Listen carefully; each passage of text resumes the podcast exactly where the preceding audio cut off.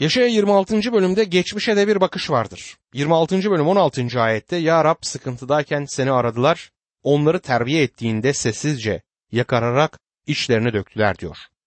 Geçmişte sağ kalanlar duayla Tanrı'ya döndüler. Şimdi bu zor günlerde geçmişe bakarlar. Yaşaya 26. bölüm 17. ayette doğum vakti yaklaşan gebe kadın çektiği sancıdan ötürü nasıl kıvranır feryat ederse senin önünde biz de öyle olduk ya Rab diyor. Büyük sıkıntı zamanında İsrail ulusu doğum yapan bir kadın gibiydi. Çektikleri acı o kadar büyüktü ki peygamber şimdi dönüp o döneme bakar. Ki bu hala gelecekte olan bir şeydir. Bunun altını çizmek isterim. Bu dönemi zaman nehrinin diğer tarafından görmektedir peygamber. Yaşaya 26. bölüm 18. ayet. Gebe kaldık kıvrandık, rüzgardan başka bir şey doğurmadık sanki. Ne dünyaya kurtuluş sağlayabildik, ne de dünyada yaşayanları yaşama kavuşturabildik diyor. Rüzgardan başka bir şey doğurmadık yani çektiğimiz acılar hiçbir meyve vermedi. Bu dönem kötülerin kalbini değiştirmemiştir. Göklerin tanrısına küfür etmeye devam ederler. Günümüzde başınıza doğum sancıları gibi gelen acılar ya değerli bir şey getirecekler ya da sadece rüzgar gibi esip gideceklerdir. Korkarım çoğumuz boş yere acı çektik. Bunun nedeni her şeyin Tanrı'nın yüceliği için birlikte işlediğini görmememizdir. Yaşayanın gelmekte olan milenyumdan söz ettiğini unutmayın ve onu erkenden ararsak bizler de milenyumdakine benzer bir durum içinde yaşayabiliriz. Yaşaya 26. bölüm 19. ayet ama senin ölülerin yaşayacak, bedenleri dirilecek. Ey sizler, toprak altında yatanlar, uyanın, ezgiler söyleyin. Çünkü senin çiğin sabah çiğine benzer. Toprak ölülerini yaşama kavuşturacak der. Şimdi 27. bölüme geldiğimizde 25-26. bölümlerdeki 3 kıtalı şarkının 27. bölümde son kıtasına gelerek bittiğini göreceğiz. Bu bağın şarkısıdır aslında. Yaşaya 27. bölüm 1. ayet. O gün Rab Livyatan'ı, o kaçan yılanı, evet, Livyatan'ı, o kıvrıla kıvrıla giden yılanı acımasız, kocaman, güçlü kılıcıyla cezalandıracak. Denizdeki canavarı öldürecek diyor. O gün bizleri hemen geleceğe yollamaktadır.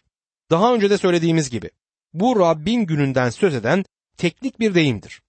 İbrani günü gibi gece ile büyük sıkıntı zamanıyla başlayan bir gündür ve milenyum krallığıyla devam eder. Ben kişisel olarak hiç sona ermeyecek bir gün doğuşu olan sonsuzluğa gittiğine inanıyorum. Rab acımasız, kocaman, güçlü kılıcıyla, Rabbin kılıcı Tanrı'nın sözüdür. Gelmekte olan Rab İsa'yı tanımlarken, vahiy 1. bölüm 16. ayette sağ elinde yedi yıldız vardı. Ağzında iki ağızlı keskin bir kılıç uzanıyordu. Yüzü bütün gücüyle parlayan güneş gibiydi der. Bu kılıçla ulusları vuracaktır. Milenyumun gerçek bir dönem olduğuna inanmayanlar, kutsal kitaba harfiyen inandığınızı söyleyenler yanılmaktadır. Bu gerçek bir kılıç mıdır diye sorarlar. Doğrusunu isterseniz ben dilin epey keskin bir kılıç olduğunu keşfetmiş bulunuyorum. İbraniler 4. bölüm 12. ayetin başında Tanrı'nın sözü diri ve etkilidir. İki ağızlı kılıçtan daha keskindir der. Ben burada Tanrı sözünden bahsedildiğine inanmaktayım. Bunu sözü aracılığıyla yapmaktadır. Ona bütün gereken budur. Sözü aracılığıyla her şeyi yaratmıştır ve sözü ile yargılayacaktır. Tanrı kimi yargılayacak? Livyatan'ı, o kaçan yılanı, evet Livyatan'ı. O kıvrıla kıvrıla giden yılanı. O gün krallığın başlangıcında Rab İsa yılanı, Livyatan'ı yani şeytanı yargılayacaktır. Vahiy 20. bölüm 1, 2 ve 3. ayetlerde şeytanın bin yıl boyunca dipsiz çukura atılacağı söylenmektedir. Vahiy 12. bölüm 9. ayette büyük ejderha, iblis ya da şeytan denen bütün dünyayı saptıran o eski yılan melekleriyle birlikte yeryüzüne atıldı der. Ve Eyüp 41. bölüm 15. ayette sımsıkı kenetlenmiştir sırtındaki sıra sıra pullar der.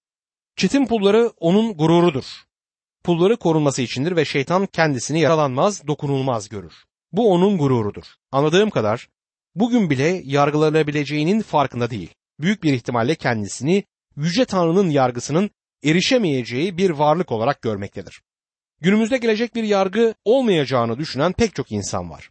Yargı düşüncesine gülmektedirler. Bu şeytanın düşünce biçimidir. Lilis, kaçan yılanın Dicle Nehri ve böylece Asur ulusu olduğunu iddia eder. Kıvrıla kıvrıla giden yılan Fırat ve böylece Babil'i temsil etmektedir. Denizdeki canavar Nil Nehri'ni ve böylece Mısır ulusunu temsil eder. Bu Livyata'nın şeytan anlamına gelişine aykırı değildir. Aslında bu ulusların arkasındaki güç şeytan olduğundan bu yorumu vurgular. Yaşaya 27. bölüm 2. ayette o gün Rab sevdiğim bağ için ezgiler söyleyin diyecek diye yazar. Ben aslında 27. bölümün 2. ayette başladığına ve 1. ayetinde bundan önceki bölüme ayet olduğuna inanıyorum. Ancak bu burada girmeyeceğim teknik bir noktadır. Bu noktada konu değişmektedir. Eğer girersek konu değişir. O gün bağım için ezgiler söyleyin. Bu milenyumdur ve bizler hepimiz artık o dönemde ezgi söyleyebiliriz. Ben bile o dönemde şarkı söyleyebilirim. Kırmızı üzümlerden oluşan bağ, bolluk, ürün, cömertlik ve sevinçten söz etmektedir. Bu Yaşaya 5. bölümle büyük bir tezat oluşturur. Yaşaya 5. bölüme baktığımızda bağın şarkısını gördük. Ancak bu hüzünlü bir şarkıydı. O bağ İsrail'di ve İsrail meyve vermediği için Tanrı onu yargılayacaktı. Şimdi burada milenyumdayız ve meyve bolluğu var. Neden? Yaşaya 27. bölüm 3. ayet. Ben Rab bağın koruyucusuyum. Onu sürekli sularım. Kimse zarar vermesin diye gece gündüz beklerim diyor Tanrı sözünde. Burada Rab bağcıdır ve bağını bir daha asla başkalarına bırakmayacaktır. Gözü sürekli bağının üzerinde olan bağcı Tanrı'dır. Hiçbir düşman girmesin diye gece gündüz onu gözler. Bu Tanrı'nın İsrail'le işinin bitmiş olduğunu düşünenlere bir şey söylemelidir. Kutsal kitap Tanrı'nın İsrail'le işinin bitmediğini açıkça bildirir. Yaşaya 27. bölüm 5. ayet ya da koruyucuma sarılsınlar. Barışsınlar benimle. Evet benimle barışsınlar diyor. Düşman krallıkta bile Tanrı ile barış yapılabilir. Çünkü Tanrı merhametli olmaya hiçbir zaman son vermez. Bunun için Tanrı'ya şükürler olsun. Tanrı merhamette zengindir. Bunun anlamı Tanrı'nın merhametinin çok olduğudur. Benim epey merhamete ihtiyacım var. Tanrı lütufta zengin. Günümüzden yüz milyon yıl sonra Tanrı'nın lütfunun bize hala açık olduğunu göreceğiz. Tanrı'nın lütfuna cennette bile hala ihtiyacımız olacağına inanıyorum. Barışsınlar benimle diyor. Bu kutsal kitapta insanın Tanrı ile barışabileceğinin ima edildiği tek yerdir. Tabii ki burada Mesih'i kurtarıcı olarak kabul etmekle değil, krala itaatle ilgili bir gönderme bulunur. İnsan günah sorunu hakkında Tanrı ile barış yapamaz. Tanrı bunu zaten yapmıştır. Romalılar 5. bölüm 1. ayet. Böylece imanla aklandığımıza göre Rabbimiz İsa Mesih sayesinde Tanrı ile barışmış oluyoruz der. Tanrı ile aynı fikirde olmaya ve Mesih aracılığıyla çarmıhta yaptığından ötürü ona güvenmeye hazır olduğumuzda huzura sahip olabiliriz. O zamana dek huzur yoktur. Bu ayet günümüzden değil milenyum zamanından söz eder. İsrail ve düşmanlarına bir yıkım gelecektir diyor kutsal kitap. Yaşaya 27. bölüm 7. ayette der ki Rab İsrailleri kendilerini cezalandıranları cezalandırdığı gibi cezalandırdı mı? Ya da İsrailleri başkalarını öldürdüğü gibi öldürdü mü? Bu ayet Yaşaya kitabında kısmen yanıtlanmış bir soruyu sormaktadır. Tanrı İsrail'i neden diğer uluslardan daha fazla yargılamaktadır? Çünkü ışık sorumluluk yaratır. İsrail'in daha çok ışığa sahip olması gerçeği göz önünde bulundurulduğunda onun günahı daha kara ve cezası daha büyüktür. Kendisini cezalandıran ulustan daha fazla kırbaç darbesi yemiştir. Amos 3. bölüm 2. ayette şöyle okuyoruz. Yeryüzündeki bütün halklar arasında yalnız sizi tanıdım. Bu yüzden suçlarınızı karşılıksız bırakmayacağım. Tanrı konuşursa peygamber susamaz. Cezası şiddetliydi ama Tanrı diğer uluslardan bazılarına yaptığı gibi İsrail'i yok etmedi. 118. mezmur 18. ayetti. Rab beni şiddetle yola getirdi ama ölüme terk etmedi der. Tanrı İsrail'in yok edilmesine izin vermeyecektir. Yaşaya 27. bölüm 9. ayetti. Böylece Yakup soyunun suçu bağışlanacak. Günahlarının kaldırılmasının sonucu şöyle olacak. Sunağın taşlarını tebeşir taşı gibi un ufak ettiklerinde ne aşere putu ne de buhur sunağı kalacak der. İsrail'in günahına kefaret eden günahlarından ötürü acı çekmesi değildi. Yakup'un günahı kan sunusuyla temizlenmişti ve ulusun günahı Mesih'in kanıyla bağışlanacaktı. Tıpkı sizin bir günahkar olarak kurtuluşunuz gibi o günde de bu böyle olacaktır. Tanrı'nın İsrail'le işinin bittiğini söyleyenler, kutsal kitabın parçasını okumamış olan kişilerdir. Bakın, Yaşaya 27. bölüm 10 ve 11. ayetler. Surlu kent terk edildi. Çöl kadar ıssız, sahipsiz bir yurt oldu. Dana orada otlayıp uzanacak. Filizlerini yiyip bitirecek. Kuruyan dalları koparacak. Kadınlar gelip bunları yakacaklar. Çünkü bu halk akıllı bir halk değil. Bu yüzden onları yaratan kendilerine acımayacak. Onlara biçim veren onları kayırmayacak. Ancak İsrail'in bina ettiği şehirler insanların Tanrı'dan uzak bir şekilde bina ettikleri herhangi bir şehir gibi yok edilecekti. Dünyanın meşhur harabeleri Yüce Tanrı'nın yargısından ötürü oradadırlar. Neden? Çünkü Tanrı'yı reddettiler. Sadece ışığı reddetmekle kalmamış, aynı zamanda kişi olarak Tanrı oğlunu da reddetmişlerdir.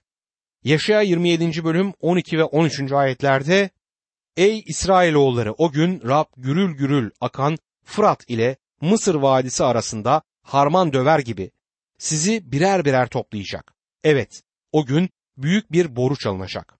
Asur'da itenlerle Mısır'a sürgün edilenler gelip kutsal dağda Yarışilim'de Rab'be tapınacaklar. Bu bölüm Tanrı'nın İsrail ulusuna vaat edilmiş diyarı vermeyi kesinlikle istediğini ortaya koymaktadır. Bunu inkar edenlere söyleyecek bir sözüm yok. Sadece şunu söyleyeyim. Mesele İsrail'in diyara dönüp dönmeyeceği değildir. Mesele Tanrı sözüne inanıp inanmadığınızdır. Tanrı sözüne inanıyorsanız böyle bir parçayı ne yapacaksınız? Bunu ruhsallaştıramazsınız. Çünkü peygamber Asur, Mısır, İsrail ve Yarışilim'den söz eder. Bunlar gerçek yerlerdir. İsrail gerçekten oraya dönecek. Kutsal kitabın esini hakkında yüksek şeyler düşünüyorsanız Tanrı'nın söylediklerine inanın. Bu peygamberlik geçmişte hiçbir zaman gerçekleşmemiştir. Hala gelecektedir. Dostum, Tanrı Yahudileri diyarlarına döndürdüğünde Tanrı onları döndürecektir. Geldiklerinde ona tapınacaklar. Tıpkı sizi ve beni çağırdığı gibi Tanrı onları da çağıracaktır. Bunun gerçekleştiğini günümüzde görmüyoruz. Yeşaya 28. bölümde Efraim'in Asur tarafından istila edileceğiyle ilgili geleceğin bir resmi vardır. Ve Yaruşilim içinde bir uyarıdır bu. Bu bölüm bizi tamamıyla yeni bir noktaya getirir. Gerçekleşmeleri tamamıyla gelecekte olan peygamberlikler sadece 24 ila 27. bölümlerde bulunmaktadır. 28 ila 35. bölümlerde gerçekleşmeleri yerel ve geçmişte olan peygamberlikleri görüyoruz. Ayrıca geleceğe uzanıp bir önceki bölümü kapsayan peygamberliklerde bulunmaktadır. Bu yeni bölüm 6 nokta ile vurgulanmaktadır. 34. bölümde Büyük Armageddon savaşıyla sona erer ardından 35. bölümde yeryüzüne gelecek milenyumun yararları gelmektedir. Şimdi önümüzdeki bölümde yakın ve uzak görüşün geçmiş ve gelecekteki olayların yerel ve hemen genel ve uzaktaki peygamberliklerin iyi bir örneğini göreceğiz. Gerçekleşmiş olanlarla henüz gerçekleşmemiş olanlar bu bölümde beraberdir. Burada Efraim olarak adlandırılan kuzeydeki İsrail krallığı kısa bir süre içerisinde Asur'a esareti getirecekti. Bu gelmekte olan gelecek günün bir fragmanı gibiydi. Ancak güneydeki Yahuda krallığı için bir uyarıdır. Asur kralı Şermeneser İsa'dan önce 721 yılında Efraim'i istila etmiş ve kuzeydeki krallığı alarak halkını esarete götürmüştü. Efraim'in hemen gerçekleşen esaretine bakalım. Bu ilk noktadır ve kuzeydeki krallık hakkındadır. Yaşaya 28. bölüm 1. ayette şöyle yazar. Vay haline verimli vadinin başındaki kentin, Efraimli sarhoşların, gurur tacının, şaraba yenilmişlerin yüce ve görkemli tacı. Solmakta olan çiçeği andırıyor der.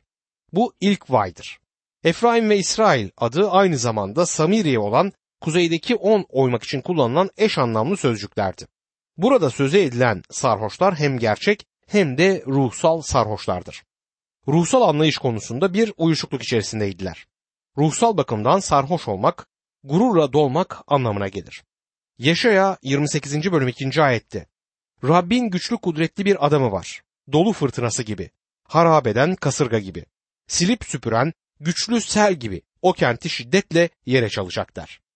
Burada Asurlu kuvvetli adam harabeden kasırga ve silip süpüren sel olarak resmedilmiştir.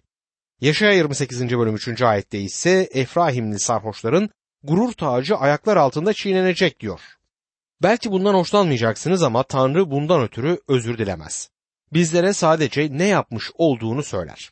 Peygamber burada sarhoş mecazını kullanır. Evleri, bahçeleri ve ağaçlarıyla dışa vurulan rahatlığı dışsal güzellikleriyle kuzeydeki krallıkta yüksek düzeyde bir uygarlığı görüyoruz. Bunun doğru olduğunu görmek için bütün yapmamız gereken Samiriye tepesine çıkıp Omri ve Ahab tarafından bina ettirilen sarayı görmektir. Bu Ahab ve İzabel'in yaşadığı saraydı. Rab kötüler ve zenginlere yaşanacak en iyi yerleri veriyor gibidir ve bence bu şiirsel bir adalet gibidir. Kötüler ve zenginler için öbür dünya pek iyi olmayacak. Bu yüzden burada epey hoş bir hayatları var. Samiriye Tepesi ülkenin en güzel yerlerinden birisidir. Oraya çıktığımda Akdeniz'i, Ürdün Vadisi'ni, kuzeyde karlarla kaplı Hermon Dağı'nı ve güneyde Yaruşilim'in duvarlarını görebiliyordum. Dostum oturmak için bundan daha güzel bir yer düşünemeyiz. O tepeyi bir emlakçı satarsa orada bir arsa alıp küçük bir ev inşa etmeyi isterdim. Harika bir yer ama Tanrı kuzeydeki krallıktaki insanları yargıladı ve onların yüksek uygarlığını yerle bir etti. Çok uzakta bir yargı vardır şimdi. Şimdi peygamber geleceğe doğru ilerlemeye başlar. O gün sözü büyük sıkıntı zamanıyla başlayan ve milenyum boyunca süren Rabbin gününden söz eder. Yaşaya 28. bölüm 5. ayette şöyle der. O gün her şeye egemen Rab halkından sağ kalanlar için yücelik tacı, güzellik çelengi olacak. Bu geleceğe gelmekte olan milenyum krallığına bakmaktadır. Kuzeydeki krallık Efraim'in yıkımına neden olan şey gururdu. Bir gurur tacı taşıyorlardı ama gelecekte o gün Tanrı onları ülkelerine geri getirdiğinde bir yücelik tacı olacaktır. Yaşaya 28. bölüm 6 ve 7. ayetlerde ise yargı kürsüsünde oturanlar için adalet ruhu, kent kapılarında saldırıları geri püskürtenler için cesaret kaynağı olacak. Kahinlerle peygamberler bile şarabın ve içkinin etkisiyle yalpalayıp sendeliyorlar. Şaraba yenik düşmüşler. Yanlış görümler görüyorlar. Kararlarında tutarsızlar diyor. Geçenlerde bir iş adamı bana büyük işlerde dönen bazı entrikaları anlattı. Büyük karlar almak için büyük yatırımlar yapan adamlarla iş anlaşmaları yapmadığı gün geçmiyormuş. Bu adamlardan günaha düşmekte olan birinden söz etmeye başladı. Karısına karşı sadık değilmiş ve çok fazla içki içermiş.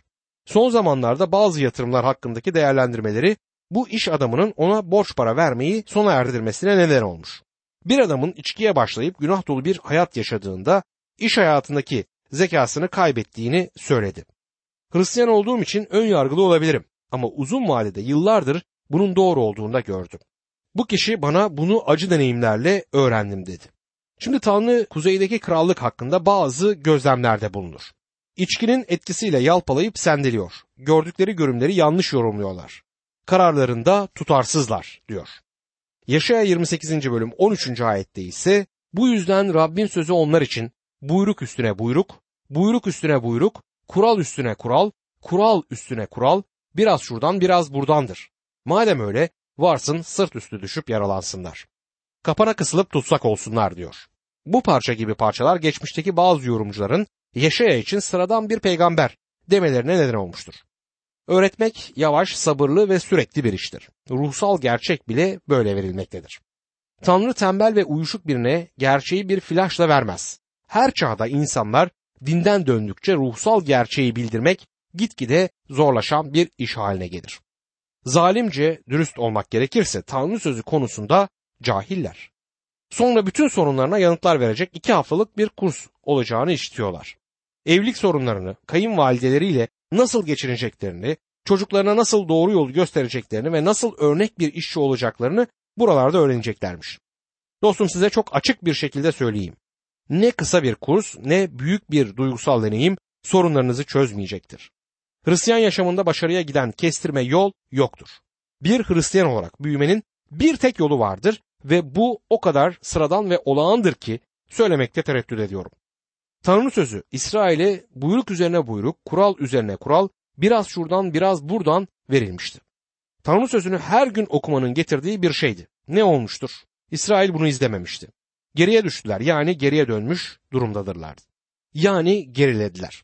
Sorun başkalarından daha zayıf durumda olmaları değildir. Tanrı sözünde yeterince zaman geçirmemeleridir.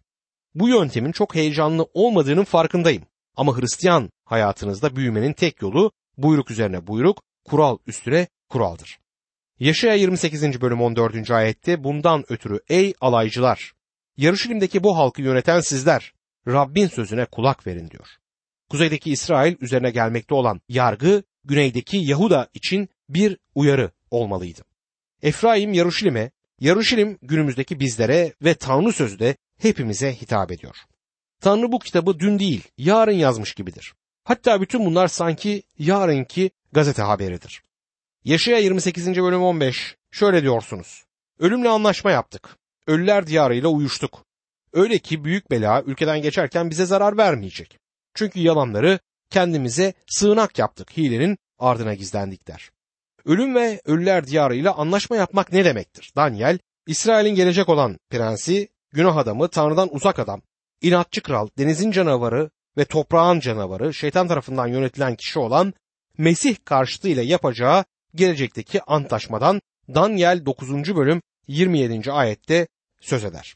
Yaşaya 28. bölüm 16. ayette ise bu yüzden egemen Rab diyor ki işte Siyon'a sağlam temel olarak bir taş, denenmiş bir taş, değerli bir köşe taşı yerleştiriyorum.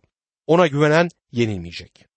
Günümüzde büyük sıkıntı zamanına kadar bir çığ gibi artacak olan insanların yaşamlarındaki sahtekarlık ve kandırmalara çözüm nedir? Tanrı bunu çoktan yanıtladı. Bu bir temeldir, denenmiş bir taştır. Değerli bir köşe taşıdır. Sağlam bir temeldir. Ona inanan kişi güvenliktedir, ona güvenebilir. 1. Petrus 2. bölüm 6, 7 ve 8. ayetler şöyle der. Çünkü kutsal yazıda şöyle deniyor. İşte Siyon'a bir taş, seçkin değerli bir köşe taşı koyuyorum. Ona iman eden hiç utandırılmayacak. İman eden sizler için bu taş değerlidir. Ama imansızlar için yapıcıların reddettiği taş, köşenin baş tacı, sürçme taşı ve tökezleme kayası oldu. İmansızlar Tanrı'nın sözünü dinlemedikleri için sürçerler. Zaten sürçmek üzere belirlenmişlerdir. Simon Petrus bu taşın Mesih olduğunu gayet açık bir şekilde bildirmektedir. Yaşaya 28. bölüm 17. ayette ise adaleti ölçü ipi, doğruluğu çekül yapacağım. Yalanlara dayanan sığınağa dolu süpürüp götürecek. Gizlendiğiniz yerleri sel basacak diye yazar. Bu insanlar için yargı yavaş yavaş gelmektedir. Sanırım günümüzde de aynı şekilde yargı yaklaşıyor. Bazen aniden gelir ama yavaş yavaş gelen yargı aniden gelen yargıdan daha kötü. Çünkü genelde o denli yavaş bir süreçtir ki farkına bile varmazsınız. Yaşaya 28. bölüm 20. ayette ise yatak uzanamayacağınız kadar kısa, örtü sarınamayacağınız kadar dar olacaklar. Bir otele ya da pansiyona gidip de üzerinize alacağınız örtünün sizin için fazlasıyla kısa olduğunu bilmiyorum hiç gördünüz mü? Boynunuza kadar gelmez. Eğer boynunuza çekerseniz bu sefer ayaklarınız açıkta kalır. Ayaklarınızın yatağın ayak ucundan çıktığı ya da yatağa sığabilmek için başınızı kaldırmak ya da yanlamasına yatmak zorunda kaldığınız oldu bilmiyorum. Pek rahat değil. Tanrı bu insanlara size kısa bir yatak veriyor. Örtüsü de yeterince uzun olmayacak diyor. O andan itibaren Tanrı'nın yargısı gelecekti. Yahuda üzerine 100 yıl boyunca gelmedi ama sonunda geldi. Tanrı'nın halkı üzerine olan yargısı bu bölümün geri kalan kısmında karşımıza çıkar. Bu bölümde buğdaylar ve delilceler benzetmesine benzeyen ayetler bulunur. Değişik türde tahıllardan, sert ve yumuşak tahıllardan ve bunları saplarından ayırmanın değişik yöntemlerinden burada söz edilir. Yaşaya 28. bölüm 25. ayette toprağı düzledikten sonra çörek otunu, kimyonu serpmez mi? Buğdayı sıra sıra arpayı ayırdığı yere kızıl buğdayı da onun yanına ekmez mi? diyor. Burada değişik tahıllardan söz ediliyor. Yeşaya 28. bölüm 27 ve 28. ayetler şöyle devam eder. Çünkü çörek otu harmanda keskin alette dövülmez. Kimyonun üzerinden tekerlekle geçilmez. Çörek otu değnekle, kimyon çubukla dövülür. Buğday ekmek yapmak için öğütülür ama boyuna dövülmez. Harmanın üzerinden tekerlek ve atlar geçse de buğdayı ezmez. Çiftçi yumuşak tahılları toplarken dikkatli olmalıdır diyor. Her tahıl farklı farklıdır. Şimdi Tanrı'nın da bu şekilde yargıladığını görüyoruz.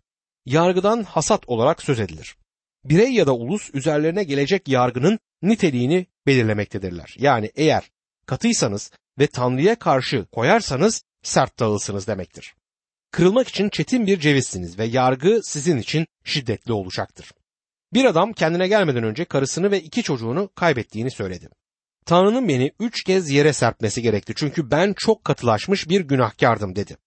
Tanrı sizi harmanda dövecektir ve eğer siz katıysanız yargı da katı olacaktır. Rab İsa Mesih Matta 13. bölüm 30. ayette bunu şöyle dile getirmektedir. Bırakın biçim vaktine dek birlikte büyüsünler. Biçim vakti orakçılara önce deliceleri toplayın diyeceğim. Yakmak için demet yapın. Buğdayı ise toplayıp ambarıma koyun. Matta 13. bölüm 41. ayette ise Rab İsa Mesih şöyle devam eder. İnsanoğlu meleklerini gönderecek. Onlar da insanları günaha düşüren her şeyi, kötülük yapan herkesi onun egemenliğinden toplayıp kızgın fırına atacaklar. Bu harikadır. Bizler kendi yargımızı belirlemekteyiz. Eğer onu dinlersek bizi buğdayların olduğu tarafa koyacak ve bizleri yargısının şiddetinden merhameti ve lütfuyla esirgeyecektir.